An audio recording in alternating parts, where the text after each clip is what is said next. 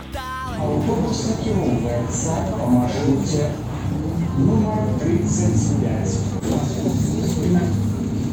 Плошча Савецкая. Добрый дзень шаноўнае гаспадарства гэта падкаст утульны горад а мяне зовут Даша і сёння мы з вами пагаварым пра дызайн у горадзе ведаеце у мяне ад часу да часу бываюць такія станы калі я гляжу на нешта і разумею што штосьці тут не тое а патлумачыць не магу ці то таму што мне не хапае прафесійнай тэрміналогіі ці таму што мне не хапае адмысловых ведаў вось напрыклад калі я знаходжуся ў гродні у раёне аўтавакзала дзе як бы на кожным будынку па 100-500 яркіх вывесак то мне гэта неяк не вельмі падабаецца а калі я ў нейкім гістарычным цэнтры так быццам бы мне ў вочы нічога не кідаецца і мне нармальна. Аднойчы калі мы шпацыравалі з маёй сяброўкай дызайнеркай яна мне патлумачыла што праблема гэта дызайнерская. З яе аповеда я шчыра кажучы зразумела не ўсё але запомніла што ёсць такі панятак дызайн-код. Ведаеце код не ў сэнсе шыфр а ў сэнсе код як кодекс. І вось гэты кодекс тлумачыць якім павінны быць усякія візуальныя штучкі ў горадзе а ёсць яшчэ панятак бренд горада гэта быццам бы таксама нешта пра нейкі адзіны вобраз але як бы і не зусім пра дызайн карацей Каб дакладна разабрацца з усім гэтым я запрасіла ўжо знаёмага вам па першаму выпуску спадара віталя богдзеля гродзенскага урбаніста і дызайнера Ён і дапаможа нам мне разабрацца што ж такое гэты ваш дызайн коды бренды і якімі яны мусяць быць ва ўтульным горадзе. Толькі павінна папярэдзіць што падчас запісу спадар віталій быў за горадам. Таму вы зможаце пачуць на фоне гук скрыпучага камення под нагамі спевы птушак бурчэнне трактара і брэх сабак.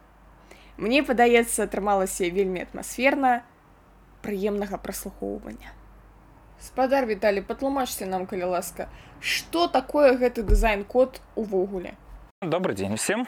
Вопрос такой, на самом деле, очень объемный, очень широкий. Изначально это какая-то структура, свод правил, которым подчиняются абсолютно каждый. Атрымліваецца, я больш-менш правільна разумела, што такое дызайн-код.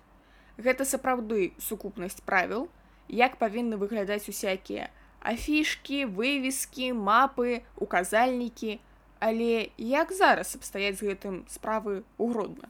В данном случае у нас не соблюдается ничего, у нас э, ничего не создано для этого. И самое малое, что можно было бы создать, ввести, это хотя бы минимально решить проблему с вывесками, чтобы они были единообразны, чтобы они имели свой цвет фона, цвет шрифта, размер шрифта и прочие мелочи. Так у нас уже реализовано в Минске, в Новой Боровой. Там уже ввели черно-белую цветовую гамму. И вот если посмотреть, можно просто пройтись там по улицам, можно увидеть, что у всех вывески, они на черном фоне белыми буквами. Даже у таких компаний, как Wildberries, которые везде, где могут, они везде ляпают свои разноцветные вывески. Чем больше, тем лучше. Чем ярче цвета, тем тоже лучше. Но там их заставили все-таки подстроиться под общий стиль. Але ж наколькі я разумею, дызайн-код гэта не толькі шыльды. Нет, далеко не только вывески. Вывески это просто малая часть, с которой можно начать. А дизайн-код, он может включать в себя такие вещи, как и навигацию, и те же вывески. Ну, в общем, все то, где передается какая-либо информация. Это и какие-то городские маршруты, которые в городе показываются, особенно в центре у нас. Тоже есть э, карты, где указаны различные заведения, ну, туристические. Это и расписание городское, тоже чтобы оно было единообразное, понятное, красивое везде. Поэтому везде любой говорю, элемент, где передается, отображается хоть какая-то информация, неважно, это название, это какие-то числовые значения, там везде применя... должен применяться дизайн-код. То бок и вывескі рэстаранаў і расклад транспарту і указальнікі яны павінны быць у нейкім адзіным стылі у кожным городе так не обязательно в каждом городе допустим в даже в рамках одного города дизайн-код может отличаться просто потому что бывает просто разного типа застройка допустим как в центре обычно она историческая и понятное дело что там не подойдет что-то современное там нужно думать о том, как поддерживать атмосферу. И поэтому там может быть свой дизайн-код, а уже по районам где-то дальше тоже может быть тоже специфический свой дизайн-код. Поэтому он может отличаться как в районах, так в городах. Но самое главное, чтобы эти правила вообще были. Скажите, а навошта яны ўвогуле патрэбныя ну чым дрэнна усіх свае рознакаляровыя вывески ўсё так весело Недавний пример, с которым я столкнулся. У нас в Гродно возле автовокзала есть небольшой торговый центр, и там прям с вывесками полный хаос. Что снаружи, что внутри, непонятная навигация абсолютно, что там, где, как вообще что-либо найти, это невозможно. Вот просто человек, когда даже смотрит на вот это яркое, пестрое месиво из всех вот этих вывесок, которые хотят себя максимально выделить, человек просто теряется и он э, просто перестает воспринимать вот это все, большое количество информации неструктуризированной, как вообще что-то понятное. Вот. И был такой случай, когда я заходил в торговый центр, где есть такой вот хаос, и там был маленький мальчик, который не мог найти нужный кабинет. Если вот прям разбираться, разбираться, найти можно. Но мальчик просто из-за того, что он думал логически, потому что где-то вывески были, где-то не были, где-то номера кабинетов были, где-то их не было. Поэтому мальчик, он знал номер кабинета, и он не мог его просто найти, потому что просто на двери его не было. На других дверях было, на нужной ему двери не было. И он попросил помощи, помочь ему найти нужный кабинет. И вот такие вот моменты, это ну как бы мелочи, но таких проблем могло бы не возникнуть, если бы просто были единые стандарты. Тогда люди, они бы просто намного быстрее находили для себя нужную информацию. То есть тут даже дело не в красоте. А скажите, калі ласка вось мапы на прыпынках якія паказваюць маршруты гарадскога транспарту я ў якіх толькі гарадах не была вось я кожны раз падаходжу да гэтай мапы я нічога не разумею і самае галоўнае я не разумею дзе я зараз знаходжуся у якім пункце гораду Скажите, это так само проблема дизайн-коду? Не то чтобы дизайн-кода, это, скорее всего, изначально дизайна карты. Возможно, просто сделали неверный подход. Когда они хотят делать карты в больших размерах и стараются делать их поменьше, чтобы сэкономить на бумаге, сэкономить на расклейке и прочем. Хотя, наоборот, когда мы берем именно масштабы города, там очень важна детализированность. Чтобы действительно показать, где находимся именно мы, это должно выглядеть очень явно и показать все главные маршруты, тоже куда мы можем отправиться с каждой остановки.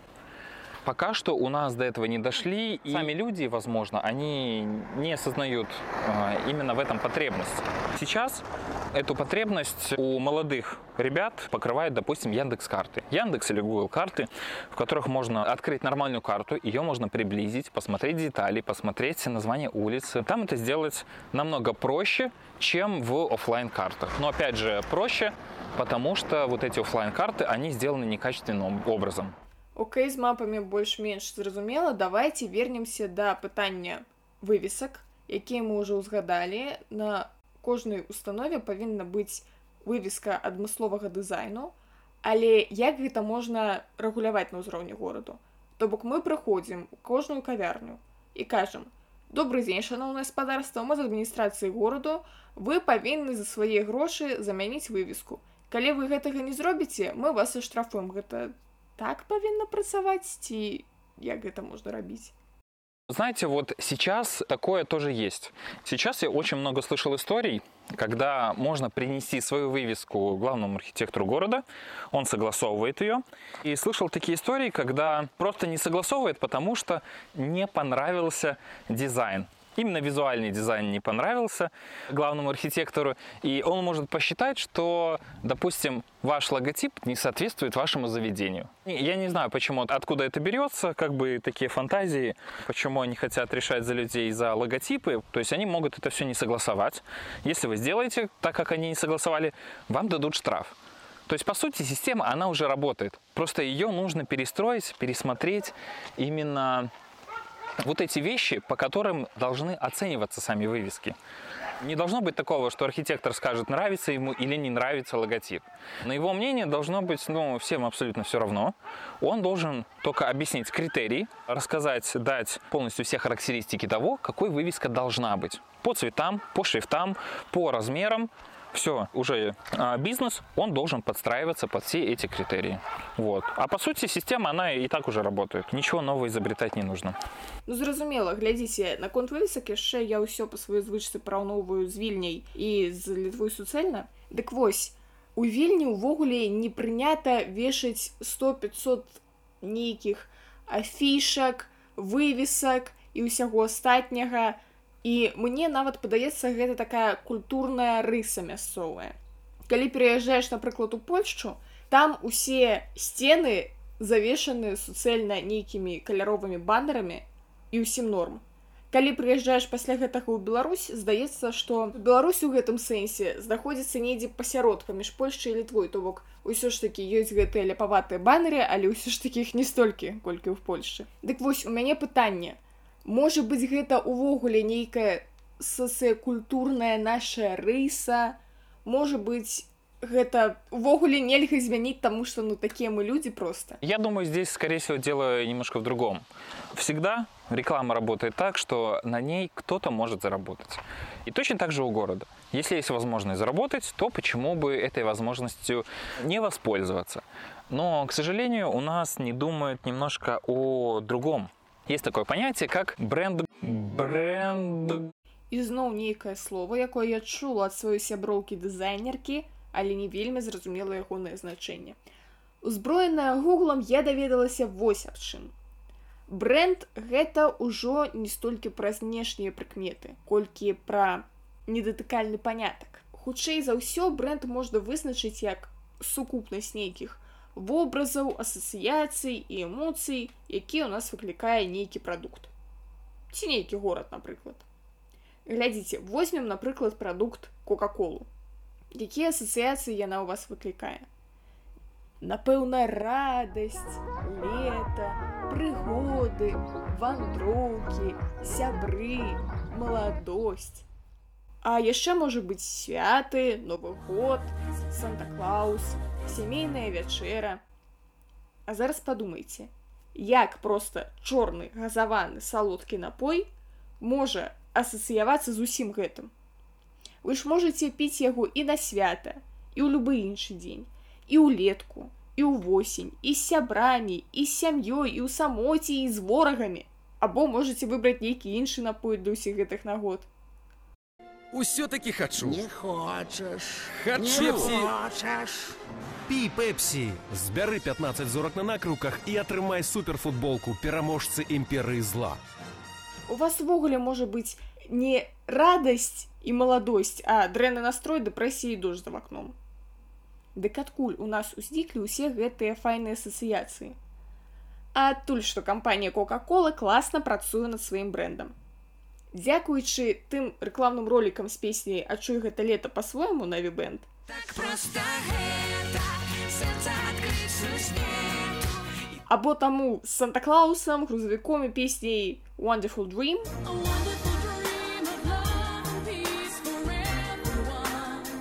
У нас і ўзнікаюць усе гэтыя асацыяцыі эмоцый.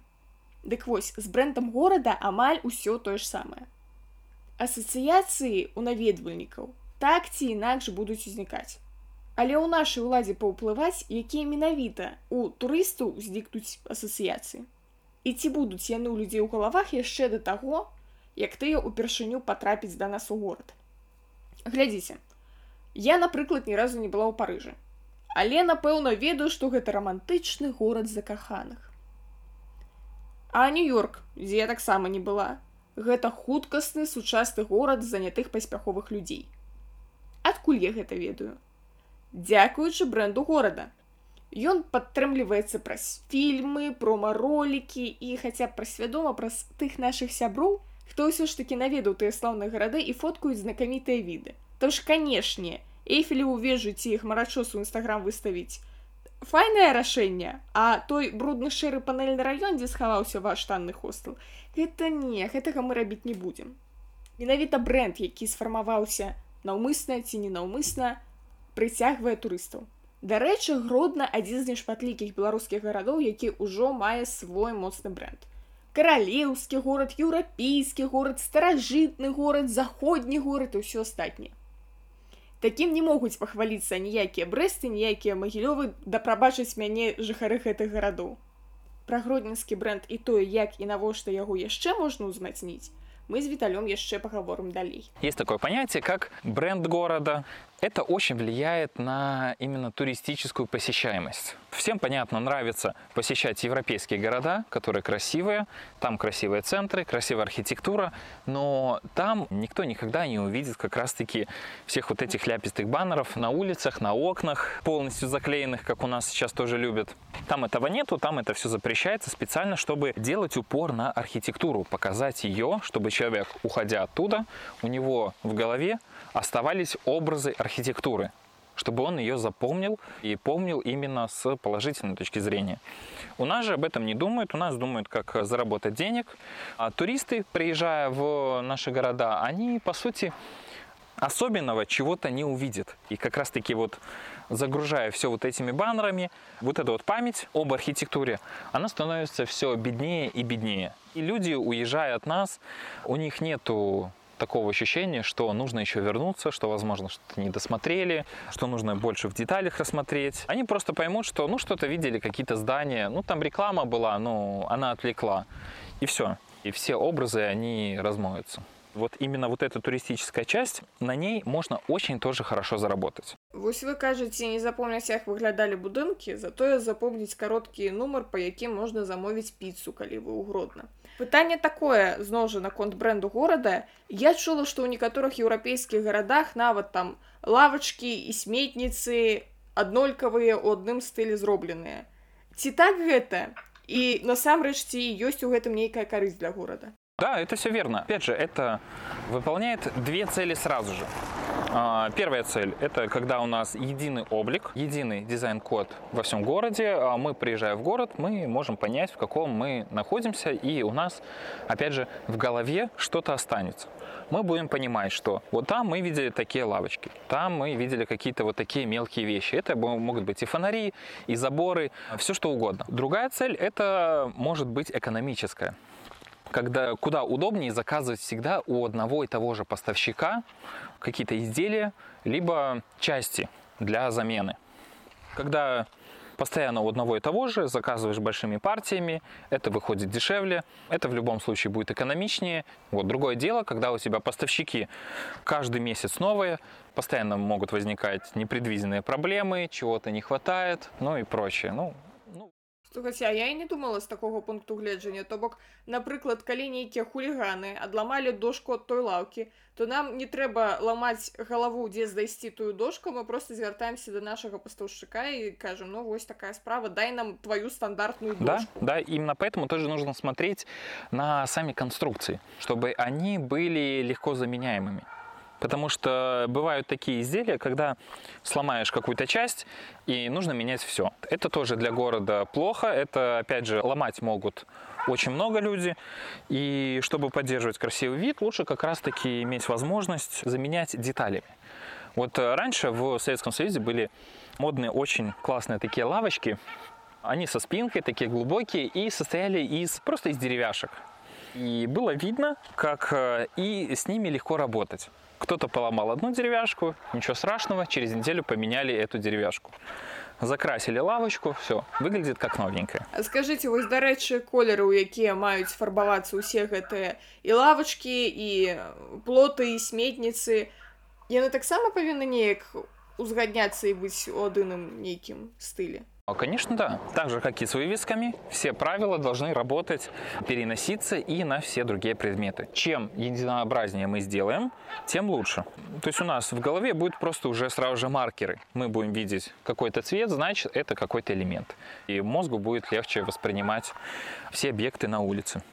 Ну и с экономической точки зрения тоже это все проще. Но опять же, делать все единообразное в целом городе, ну, может быть, не стоит, может, это будет э, уже немножко скучновато, но если будет по районно как-то разделяться, вот это будет очень хорошо. Ой вось заробіць у нас лідская фарба слухайце А вось як вам здаецца які бы колер напрыклад падышоў там да лавачак у цэнтры на дзевятоўцы у вішнюцы у альшанцы можа у вас ёсць нейкія ідэі на гэты У колер меня, честно, идей нет. Это нужно прорабатывать, нужно смотреть в целом на архитектуру, какая там есть, в какие цвета выкрашены здания. и смотреть что-то среднее, что подойдет под все сразу же. Потому что так вот однозначно сказать очень сложно. Ну, это дизайнерская работа. Она как бы не делается вот так вот, что сказал, и какой-то идеальный цвет, и он подойдет под все сразу. А памятаеце у нас некалькі год таму была гісторыя калі распрацоўвалі вось я не памятаю не то герб не то таксама дызайн-код не то ўсё разам памятаеце такі момант у нашай гісторыі Да, да, я помню, и у меня еще есть два видео, где мы разбирали с, и с дизайнерами, и с представителем Грузполкома всю вот эту ситуацию, как это все происходило. сітуацыя была такая гродненскі гарвыканкам вырашыў распрацаваць турыстычны бренд гродна для гэтага яны абвесцілі конкурс і ўсе жадаючыя дызайнеры маглі намаляваць свой варыянт лагатыпу і прапанаваць слоган. Як мы з вами ўжо разабраліся бренд гэта не зусім пра лагатып і слоган а хутчэй зусім не пра гэта сярод усіх удзельнікаў гродзенцы праз галасаванне абралі самых на іх густ класных і потым ужо камісія абірала сярод гэтых кандыдатаў найлепшы варыянт лагатыпу і слогану і потым на падставе гэтага распрацоўваўся суцэльны брендбук.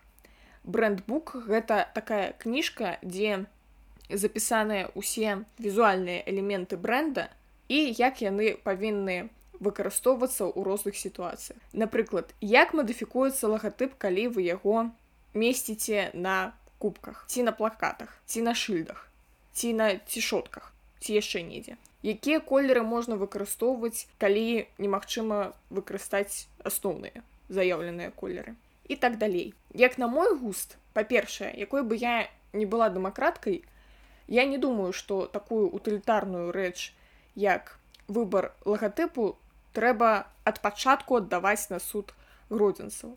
Нам як абывальнікам можа здавацца вельмі прыгожай нейкі шматкаляровы з тысячай деталек аленік які ляціць у космасе але як усю гэтую шматкаляровую выкшталцоную постаць размесціць на маленькіх кубках блакнотах і турыстычных даведніках не вельмі зразумела Таму як на мой густ ад пачатку экспертная камісія лепей бы абірала тыя варыянты лагатыпу якія можна было б выкарыстоўваць утылітарна а потым бы ўжо гродзенцы менавіта галасавалі за той варыянт які найбольш адпавядае іхняму густу гэта была толькі першая праблема яшчэ одна праблема што памятаеце я сказала не то дызайн код не то лагатып не то ге- ну, карацей насамрэч было такое адчуванне што адміністрацыя і дызайнеры потым не вельмі разумеюць што яны распрацоўваюць Таму што як я ўжо сказала трэба было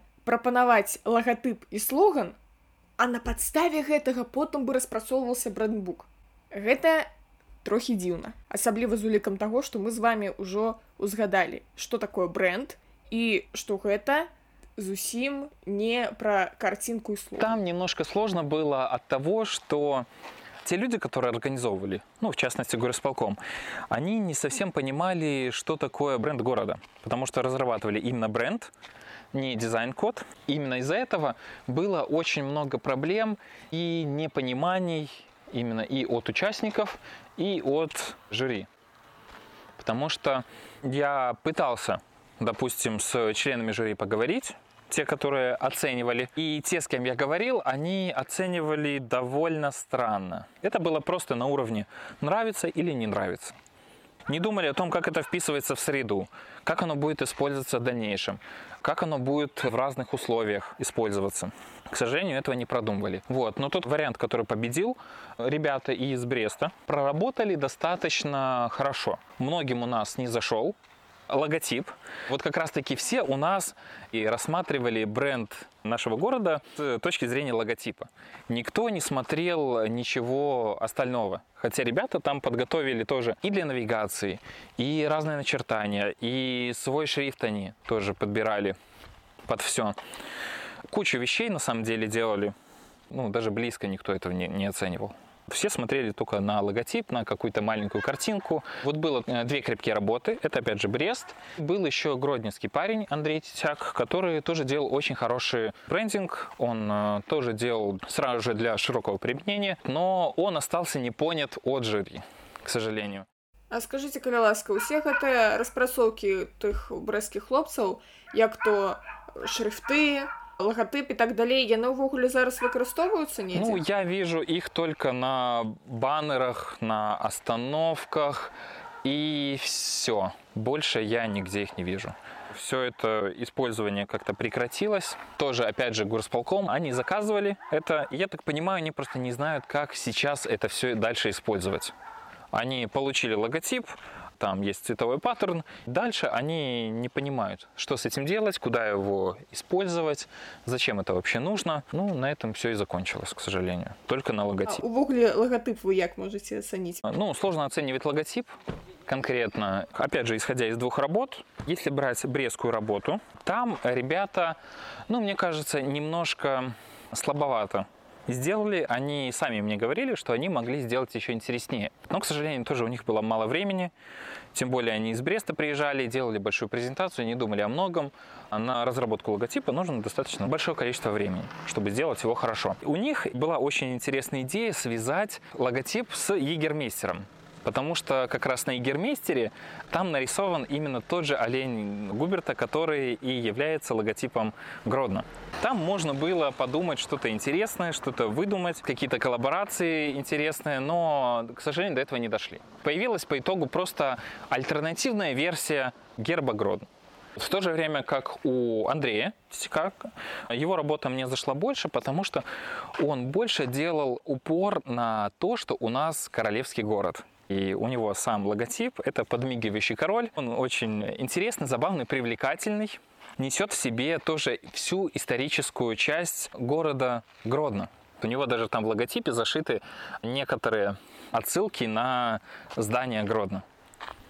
Он, я думаю, был бы поинтереснее. А я правильно зразумела, што ягермейстер гэта той вядомы алкагольны напой. Да, да.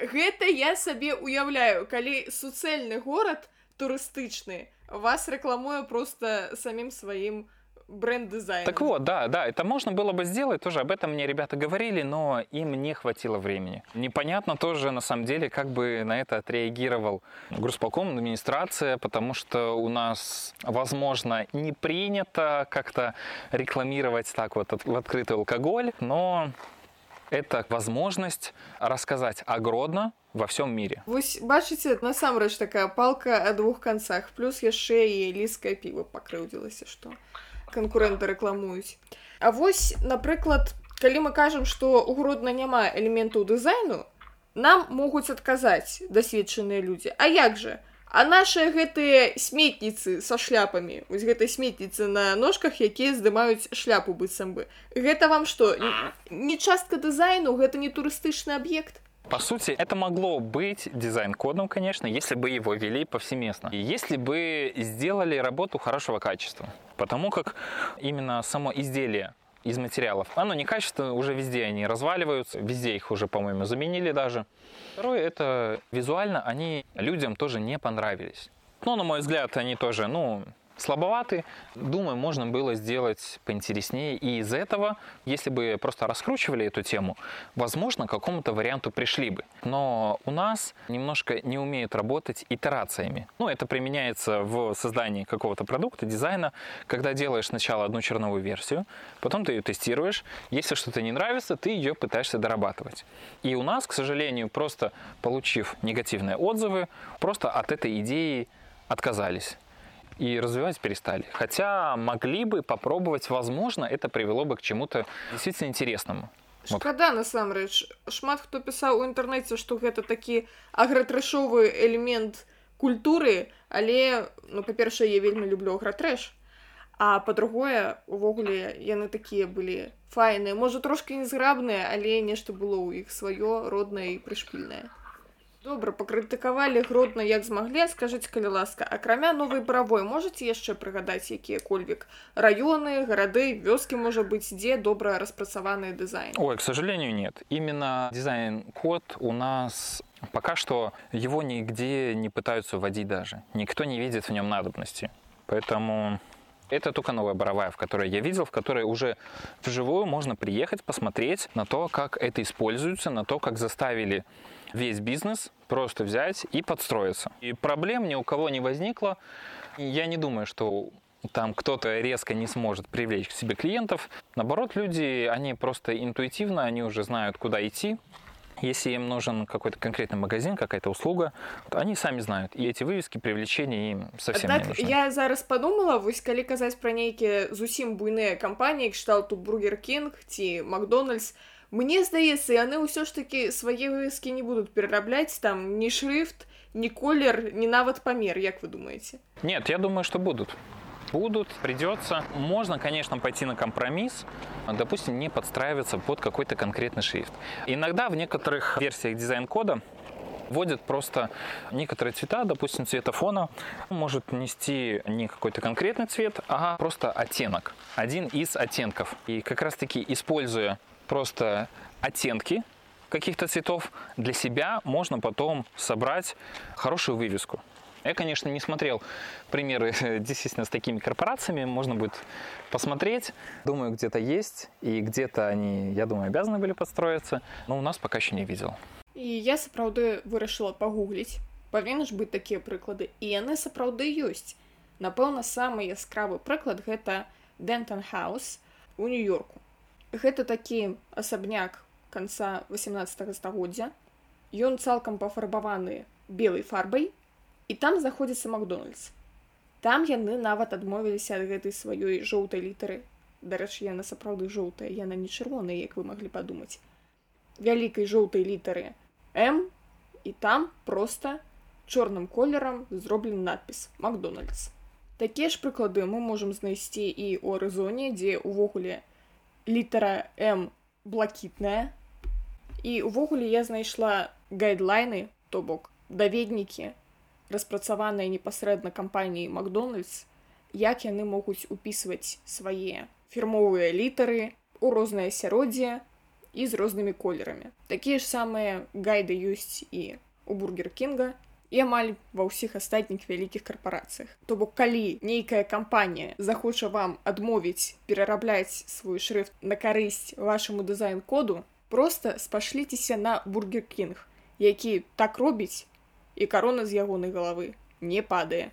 Окей, то бок калі рабіць нейкую выснову. Як у нас зараз увогуле з дызайн-кодам у гродна справы суцэльна? По сути, никак. По сути, никак. Его нету. Не видно, чтобы была какая-то надобность со стороны администрации.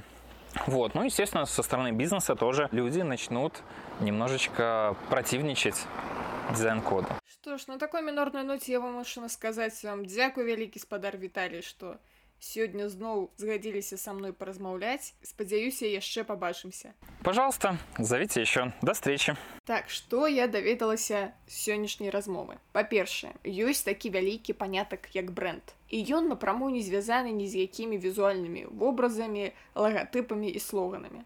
Гэта, скажем так, імідж нашага гораду, які маецца ў галовах людзей, якія тут жывуць ці проста завітваюцца часу да часу як турысты. З брэндам мы можам працаваць. Трошкі яго памяняць, тут узмацніць, і праз гэта мы, па-першае, можам прыцягнуць турыстаў, а па-другое, значна палепшыць жыццё гродзенцаў. Напрыклад, што мы ведаем пра гродна? Што ён самы еўрапейскі, самы заходні каралеўскі горад Беларусі. Мы збіраем усе гэтыя канцэпцыі і высвятляем, якая нам болей падабаецца. Ці можа робім нейкі мікс з усіх гэтых канцэпцый. І потым пачынаем распрацоўваць усякія рэклямныя піяр штукі суадносны з нашай канцэпцыі. Напрыклад, вырашылі мы, што гродна ў першую чаргу каралеўскі горад і з гэтым мы будзем працаваць. Тады ўсе рэкламныя турыстычныя ролікі так ці інакш будуць прасоўваць ідэю гэтай каралеўскасці. Будуць у нас нейкія паны ды паненкі з каронамі хадзіць, і ўсё будзе такое шыкоўнае і люксавае. Таксама і ўва всякай сацыяльнай рэкляме, і ўва всякіх брэндаваных рэчах будзе назірацца вось гэтая каралеўская лінія. Дызайн, зразумела, гэта частка бренда, над якой мы працуем. Нам трэба зрабіць адмысловы дызайн для усякіх візуальных элементаў горада. Шыльды, дарэчы, слоўнікі дазваляюць па-беларуску казаць як шыльды, так і вывескі, плакаты, нумары дамоў, усякія інфармацыйныя штукі, усё павінна быць у адзіным стылі. Па-першае, таму што гэта прыгожа, па-другое, таму што гэта запамінаецца. Ну і гэта зручна. добра б каб гэты дызайн адпавядаў нашай канцэпцыі зноў прасоўваем гэтую нашу ідэю напрыклад каралеўскасці дызайн код распрасоўвае дызайнер ён можа стварыць адмысловы даведнік дзе будзе напісана якія шрыфты патрэбна выкарыстоўваць у якіх колерах што рабіць калі немагчыма выкарыстоўваць менавіта тыя колеры як лагатып можа мадыфікавацца ў залежнасці ад асяроддзя і так далей так што я спадзяюся вам разам са мной стала трошки больш зразумелыя гэты ўсе маркеталагічна дызайнерскія піярраўскія паняткі і вы ведаеце як павінен выглядаць добры дызайн-код і навошта ён увогуле патрэбны. Вялікі вам дзякуй за праслухоўванне. Стаўце, калі ласка, зорачкі, сардэчкі, усякія астатнія прыемныя адзнакі. Пішыце каментары, калі на вашай пляцоцы ёсць такая магчымасць. І не забывайце падпісацца на наш падкаст, каб не прапусціць новыя выпускі. Пачуемся. Набывайте